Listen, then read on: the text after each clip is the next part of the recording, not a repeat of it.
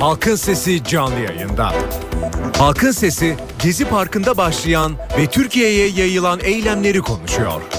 Görüşleriniz ve sorularınız için NTV Radyo Halkın Sesi telefon numarası 0212 335 47 20. Elektronik posta adresi halkinsesi@ntv.com.tr. Halkın Sesi. NTV Radyo İstanbul stüdyolarındayız efendim. Halkın sesiyle sizlerle birlikteyiz. Halkın sesine geç başladık. E, canlı yayınlar e, gerçekten programa girmeyi engelliyor ama doğru da oluyor. Çünkü anında size haberleri iletebilmek için bunları bir haber radyosu olarak yapmamız da gerekiyor. Programa az zaman kalıyor ama varsın az zaman kalsın. Önemli olan size anında haberlerle buluşturabilmek. Gezi Parkı'nı konuşmaya devam edeceğiz efendim. Gezi Parkı'nda başlayan ve bütün Türkiye'ye yayılan eylemler sürüyor. Bu eylemleri bugün biraz sosyolojik açıdan bakacağız ve Anadolu Üniversitesi Sosyoloji Bölümü öğretim üyesi doçent doktor Emre Gökalp ile birlikte olacağız. Sayın Gökalp iyi günler efendim. İyi günler Sedat Bey merhaba. Ee, merhabalar hocam çok teşekkür ediyorum bir kez daha bize vakit ayırdığınız için sağ olun. Orası farklı bir yer hocam. Orada herkes birbirine koşulsuz yardım ediyor. İşte e, çok belki bir ayrışma olduğu için örnekleniyor. İşte Fenerbahçelisi, Galatasaraylısı, Beşiktaşlısı aynı e, e, eylem için buluşabiliyor. E, hiç e, hayatında sokağa çıkmamış, e, politik bir gösteri içinde olmamış, hatta herhangi bir gösteri içinde olmamış insanlar birbirlerine destek veriyorlar. Orada şimdi marketler var. Orada şimdi işte e, imece usulü yaşanıyor. Böyle bir yere nasıl gelindi? İnsanların çok mu buna ihtiyacı vardı? Sanki bu ihtiyaç mı bir anlamda e, kutusu açıldı ve içinden fırladı? Ne diyeceksiniz efendim? Evet öncelikle herhalde bir hafta zarfında olayların, eylemlerin farklı bir ifadeyle Gezi, Taksim Gezi Parkı direnişinin bu raddeye, bu noktaya nasıl geldi? Hani ne start verdi olayların başlamasına ve bu eylemlerin bu kadar yayılarak ve yaygınlaşarak bugüne gelmesine ne neden oldu?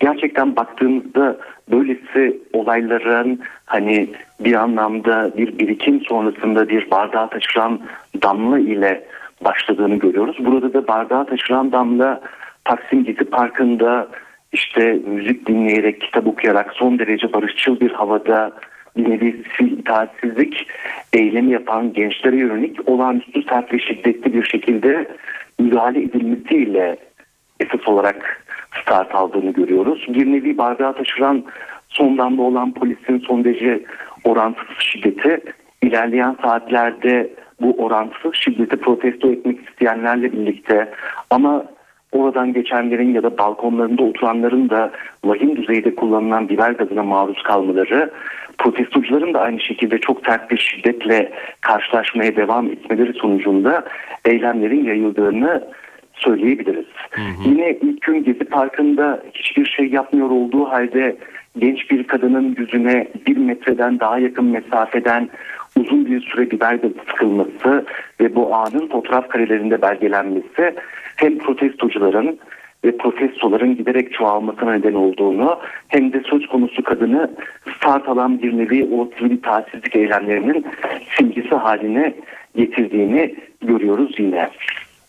Bugüne kadar e, elimizdeki verilerle 75 ile yayılmış durumda 75 ilde 400'den fazla gösteri olduğuna dair veriler var ve Türk Tabipler Birliği eylemlerde polisin uyguladığı şiddet sonucu 4 Haziran Salı günü 21.00 itibarıyla 43 ağır 4177 kişinin yaralandığını ve ne yazık ki iki kişinin de hayatını kaybettiğini açıkladı. Bugün de Adana'da bir emniyet görevlisinin bir komiserin yine eylemlerde görevliyken geçirdiği bir kaza bildiğim kadarıyla son e, açıklama nedir bilmiyorum. Yine hayatını kaybettiğini görüyoruz. Hı hı. Tabii bir taraftan e, kimi resmi binalara, dükkanlara ve kamu mallarına yönelik de zaman zaman vandalizme meyleden olaylar da oldu, oluyor. Ama bunları yapan gruplar hem diğer eylemciler tarafından hem de bu eylemlere sempatiyle yaklaşan toplum kesimleri tarafından sürekli eleştiriliyor ve kınanıyor. Hı hı. Eylemciler ve onları destekleyenler kim yerlerde göstericilerin şiddete başvurmasına prim vermiyor. Her türlü şiddetin büyük ölçüde reddedildiğini gördüğümüz gibi ayrıca süregelen eylemlerin barışçıl niteliğine gölge düşürmemesi için çeşitli kışkırtmalara ve kışkırtıcılara karşı da oldukça mesafeli ve hassas yaklaşıldığını genel olarak görüyoruz. Hı hı. Peki efendim e, hakikaten e, orada olan insanlar veya sokaklarda e, polisle e, çatışan insanlar e, alıştığımız e, gruplar e, işte e, marjinal gruplar diye adlandırılan veya belirli e, kitlelere ait gruplar değildi. Yani bizzat evinden sokağa çıkan çocuklar, e, anneler, babalardı. E, buraya nasıl geldi insanlar? Bu eşik böyle birdenbire aşılabilecek bir eşik midir?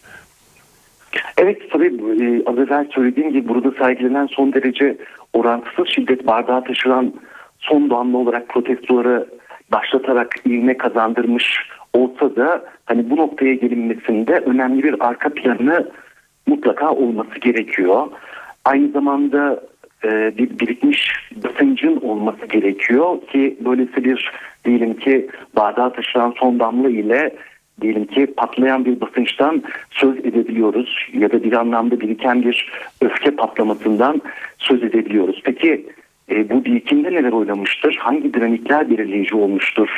Sorunuza cevap verecek olursak şimdi öncelikle Türkiye'de e, Türkiye siyasal atmosferinde giderek otoriter ve antidemokratik bir havanın hakim olması, düşünce ve ifade özgürlüğü ile basın özgürlüğü karnesinin son yıllarda her geçen gün daha çok zayıflamasıyla bu konudaki endişelerin medyada da yaygın medyada gözlemlenen sansür ya da otosansür uygulamalarıyla giderek daha çok artmasının bu öfke birikiminde etkili olduğunu söyleyebiliriz. Diğer taraftan temel hak ve özgürlükler alanında sürekli daralmaların yol açtığı bir nevi yapısal ve derin bir krizden bahsedebiliriz bu anlamda. Hı hı. Şimdi baktığımızda Sedat Bey toplumun önemli bir bölümünde olduğu gibi sokağa dökülen insanlar da epeydir Türkiye'de tanınmadıklarını ve kale alınmadıklarını düşünüyorlar. Tanınma hani psikolojik olarak ve sosyolojik olarak oldukça önemli bir meseledir. Hani bireylerin o hani küçük bir çocuktan tutun da hani bir bireyin bir insanın tanınmaması, tanınmıyor hissetmesi, kale alınmadığını hissetmesi oldukça önemli. Aksine hani kale alınmadıkları gibi ötekileştirildiklerini, yaşam tarzlarına her geçen gün daha çok müdahale edildiğini ve özgürlük alanlarının giderek daha çok daraldığını düşünüyorlar. Bilhassa seküler ve modern bir yaşam alanının zayıfladığı konusunda yaygın bir tanı söz konusu. Diğer taraftan her türlü talebin, her türlü farklı talebin ya da muhalif sözün, eleştirinin itibarsızlaştırmaya yönelik olarak kriminalize edici sıfatlarla damgalanması, katılımcı, çoğulcu bir demokratik katılım süreci yerine karar alma sürecinin son derece merkezileşmesi ve kişiselleşmesi, e, bu sürecin de epeydir çok buyurgan, hükmetici ve azarlayıcı bir üslupla gerçekleşiyor olması da oldukça tepki toplamış durumda. E, yeni bir toplumsal mühendislik teşebbüsüne, toplumu bir tornadan çıkmış gibi şekillendirme, disipline etme ve tek tip bir kimlik oluşturma çabalarına topyekun bir karşı çıkış söz konusu. Hmm. Kendilerine rağmen kendilerinin isteği dışında kendilerine tek tip bir elbise giydirilmesi isteniliyor. Ve epey bir nesnesi ya da nesnesi gibi hissettikleri kamusal siyasal karar alma süreçlerinin tekrar öznesi olma istiyorlar. Diğer taraftan baktığımızda aynı zamanda son derece özellikle son dönemde keskinleşen, biraz keskinleştirilen siyasal kutuplaşma iklimi de ayrıca bu süreçte önemli olduğunu belirtmemiz gerekiyor. Hani bu kimlikler genellikle katı bir biz ve ötekili ilişkisi içerisinde kurulur ama bu siyasal kutuplaşma iklimi içerisinde bizim daha egemen bizim süt beyaz biz daha beyazız noktasında kurulması ötekinin mütemadiyen itibarsızlaştırılması mütemadiyen karalanmasını mümkün kılan bir nevi akıl tutulması içinde gerçekleşiyor ve öteki genellikle öteki olarak addedilen kimlikler, toplumsal kesimler şeytanlaştırılıyor. İşte bu süreçte e, böylesi bir e, böylesi dinamiklerin rol oynadığı bu süreçte bu bir haftalık zaman zarfında aynı zamanda çözüm odaklı, uzlaşmacı, kucaklayıcı bir anlayışın oldukça geç kalmış olması ki bildiğimiz gibi üst düzey resmi makamların işte Taksim dayanışması temsilcilerini kabul ederek görüşmeye başlaması evvelsi gün gerçekleşti. Diyalog ve uzlaşı zemini aranması bir tarafa düne kadar resmi söylem tarafından eylemlere katılan yurttaşların provokatörler, marjinaller, kışkırtıcılar ya da çapulcular olarak nitelendirilmiş olmaları yine resmi söylemde bu gösterilerinde bir tertip ya da sadece provokasyon olarak anlamlandırılması da eylemlerin her anlamda daha çok büyümesinde şüphesiz rol oynadığını söylememiz mümkün. E, hocam çok ilginç bir e, nokta. Tam bundan sonra e, galiba bunu sormam lazım derken siz e, noktayı koydunuz. Şimdi e, Taksim'deki e, platformla görüşüldü. E, Cumhurbaşkanı, e, Başbakan Yardımcısı e, devreye girdiler bir şey takım şeyleri görüştüler ama e, herkes sanki e, Başbakanın dönüşünü bekliyor. Yani Başbakan Yardımcısının görüşmesi ve Cumhurbaşkanı'nın görüşmesi çok da bir çözüm değil. Sadece sorunların onlara yetkililere aktarılması gibiydi. Ama bugün e, biraz e, o, gerçi akşam e, gelip çok büyük bir olasılıkla Başbakan da bir açıklama yapacaktır. Ama aldığımız ilk izlenimler işte e, topçu kısıtlaşının tekrar yapılacağı yönünde. AKM'nin yıkılıp yerine tekrar büyük bir opera sarayının yapılacağı. Yani söylemlerde bir değişiklik yok. Ee, ama sizin söylediğinizse e, anladığım e, sözcüklerinizin altında bu toplumu yatıştıracak e, sosyolojik olarak onlara başka bir e, tarz yumuşaklık verecek bir söylem değişikliğini e, öngörüyorsunuz. Ama bunun işaretlerini görmüyoruz. E, bunun ardından ne geleceğini tahmin etmişsinizdir soru olarak. Hiç sormayayım ne dersiniz? Vallahi e, şimdi bu eylemler boyunca işte yazılan duvar yazıları, grafitiler, taşınan pankartlar, ellerde işte tutulan kartonlara baktığımızda ki bunlar sosyolojik olarak bize çok fazla şey söyler. Şüphesiz. Artı yapılan kısa süre içerisinde yapılan en azından bir anket çalışması var. Burada baktığımızda ki en azından elimizdeki bilimsel, sosyal bilimsel, akademik olarak yegane veriye karşılık geliyor. İstanbul Bilgi Üniversitesi'nden iki öğretim üyesi Esra Ercan Bilgiç ve evet. Zehra Kafkaslı bu süre zarfında bir 3000 kişiyle bir anket çalışması yaptılar. Şimdi Benim de burada- elimde şu anda bak- hocam o. Evet. Evet, evet. Burada şimdi hangi gerekçelerin protestolara destek vermelerine ne derece etkili olduğu katılımcılara sorulduğunda işte başbakanın otoriter tavrının etkili olduğuna kesinlikle katılanlar yüzde 92, 92. işte küsuratları söylemiyorum birinci. Polisin protestoculara uyguladığı orantısız gücün etkili olduğuna kesinlikle inananlar Yüzde yüzde 91. 91. Demokratik hakların ihlal edilmesinin etkili olduğuna kesinlikle katılanlar yüzde 91 ve medyanın suskunluğunun etkili olduğuna kesinlikle katılanlar yine yüzde 84 şeklinde 4 madde karşımıza çıkıyor. Burada gerçekten e, en azından protestocuların e, taleplerinin ve protestocuların hani böylesine geniş bir zamana ve bütün Türkiye'ye hani bütün Türkiye derken hani mekansal olarak söylüyoruz farklı düzeylerde bütün dünyaya hani dünyanın da çok çeşitli ülkelerinden çeşitli kentlerden yine Türkiye'deki bu eylemlere destek mitingleri ve gösterileri yapıldığını da görüyoruz. Neredeyse bütün dünyada yaşayan hani Türkiye Türkiye kökenli Türklerin yaşadığı ve yurt dışından da çok çeşitli ama aktivist ama sanatçı ama entelektüellerin de destek verdiği noktaya ermiş olmasında gerçekten rol oynayan bu sürecin geri en azından hani dönmesi biraz daha ortamın sakinleşmesi tekrar hani rutin toplumsal hayatın hani e, ortaya çıkması için gerçekten burada çözüm odaklı, uzlaşmacı ve kucaklayıcı bir anlayışa ve dile ihtiyaç olduğu çok aşikar bir şekilde karşımızda duruyor. Az evvel e, bu eylemlerde taşınan pankartlar, yazılan Evet, duvar yazılarının da hani çok zengin bir anlam içerdiğini ve bize çok şey söylediğini söylemiştik. Benim mesela hani dikkatimizi çeken, hepimizin dikkatini çeken onlarca farklı duvar yazısı ya da pankartı olmuştur ama 2-3 farklı e, gün üzerinde farklı hani birisi duvar yazısıydı birisi evde taşınan bir kartona yazılıydı. Çok dikkatimi çekti. Örneğin biz hamam böceği değiliz yazıyordu. Bakın buradaki algı hani siz böyle düşünmüyor olabilirsiniz.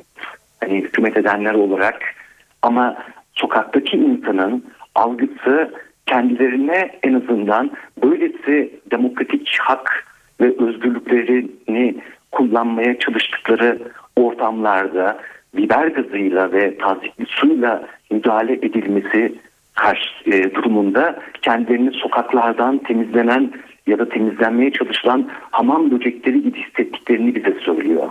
Bunlar çok önemli. Bu, bu mesajların alınmasını umut ediyorum. Bu mesajları en azından karşılıksız kalmaması, bu mesajlara kulak verilmesinin çok önemli olduğunu düşünüyorum gerçekten. Peki hocam hani bir e, söz var işte gaz sınırı aşıldı, korku duvarı aşıldı gibi. Toplumlarda bu e, sanırım çok önemli e, algılar. Bundan sonra tekrar bir insanın söylemeye bile dili varmıyor ama bir anlaşmazlık olduğunda Gezi Parkı ile ilgili işte Topçu Kışlası ile ilgili ve e, o kitleyle polis gerçekten hiç dilenmeyecek bir şey ama karşı karşıya geldiğinde ne olacak hocam? Vallahi hani umarız böylesi bir durum yaşanmaz. En azından şimdilik hani Yani e, toplumsal algı bir adım daha ileriye gidecek mi? Bunu sormak istiyorum. Evet hani aslında gitmemesi gerekiyor. Gitmesi hani Türkiye toplumu içinde, Türkiye içinde, bu ülke içinde bilinen hani son zamanda en azından yaşanan o barış sürecinde hani tarihsel olarak o 30 yıldır devam eden iç çatışmaların e, savaşın diyelim ki bir nevi düşük yoğunluklu savaşın hani ortadan kalkmayan yüz tuttuğu silahların sustuğu bir dönemde hani Türkiye'nin bu anlamda gerçek anlamda bir iç barışı yakalaması içten evet. bile değilken böylesi bir e, kaotik duruma bir kaosa sürüklenmesi takdir edersiniz ki herhalde Türkiye'de yaşayan ve Türkiye'yi düşünen insanların çok arzu ettiği bir durum değildir. Bakın biraz önce bahsettiğim bu esas olarak İstanbul'da eylemlere katılan 3000 kişiyle yapılan anket çalışmasında bize söylenen, bize hani biz sosyologlara, akademisyenlere ve tabii ki siyasetçilere de söylenen çok önemli bir şey var. Burada katılan, eylemlere katılanların %55'i daha önce hiçbir kitlesel eyleme katılmamış. Evet. %70'i kendisini hiçbir siyasi partiye yakın hissetmiyor. Evet. Dolayısıyla hani topyekün sokağa dökülen herkesi kışkırtıcı veya provokatör veya işte farklı böyle pejoratif, küçültücü sıfatlarla damgalamak yerine onları anlamaya çalışmak.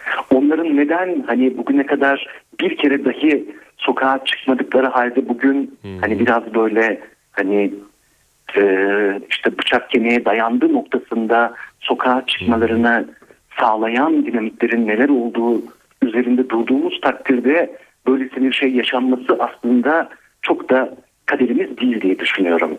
Peki. Dolayısıyla onların büyük ölçüde kendilerini özgürlükçü olarak nitelendirmelerini, özgürlükçüyüm seçeneğine kesinlikle katılıyorum diyenlerin %80'in üzerinde olduğunu düşündüğümüzde hani kişisel özgürlüklerine saygı duyulması dışında neredeyse çok fazla ama tabii ki bir taraftan da çok büyük ve çok önemli bir talepleri olduğu ve bu talebin de en azından hani bu demokrasi söyleminin demokratikleşme söyleminin hani en azından fiili olarak yaşandığı bir ülkede pratiğe geçmesinin aslında çok zor olmadığını görmemiz gerekiyor. Bu anlamda hani aslında bir fırsat da sunuyor.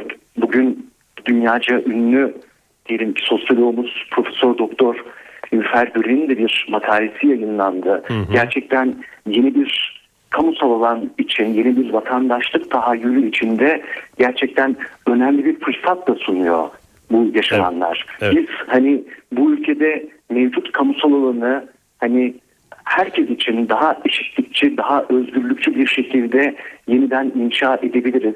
Yeter ki bunu bu doğru alanda insanların dışlanmadığı, kendi farklılıklarıyla, kendi bireysellikleriyle özgürce var oldukları bir kamusal inşası yapabiliriz.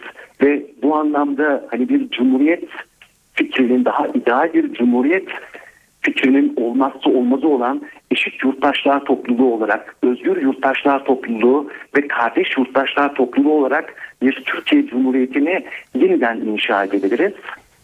Dolayısıyla burada yeter ki hani burada en azından sokağa dökülen ve ben büyük çoğunluk oluşturduğunu Doğru anlayalım diyorsunuz. daha bu sıradan barışçıl ve hani baktığınızda işte görüyoruz son derece orayı bir karnavalesk havasında şenlikli bir ortama dönüştürmeyi de bilen yaşadıkları bu süre zarfında ne kadar acı deneyimler olsa da tecrübe ettikleri ne kadar hani olumsuz tecrübeler olsa da hep böyle bir mizahı elden bırakmayan bu gençlerin büyük ölçüde Onları doğru anlayalım diyorsunuz. hocam. %65'inin de evet Peki. 19-30 yaş arasında olduğunu söylüyor bize anketler. Peki. Onları anlamaya çalışmamızın yeterli olduğunu düşünüyorum. Hocam çok teşekkür ediyorum bizimle olduğunuz için. Sağ olun. Rica ederim Sedat Bey. iyi akşamlar. İyi akşamlar efendim. Evet Anadolu Üniversitesi Sosyoloji Bölümü öğretim üyesi doçent doktor Emre Gökalp bizimle birlikteydi.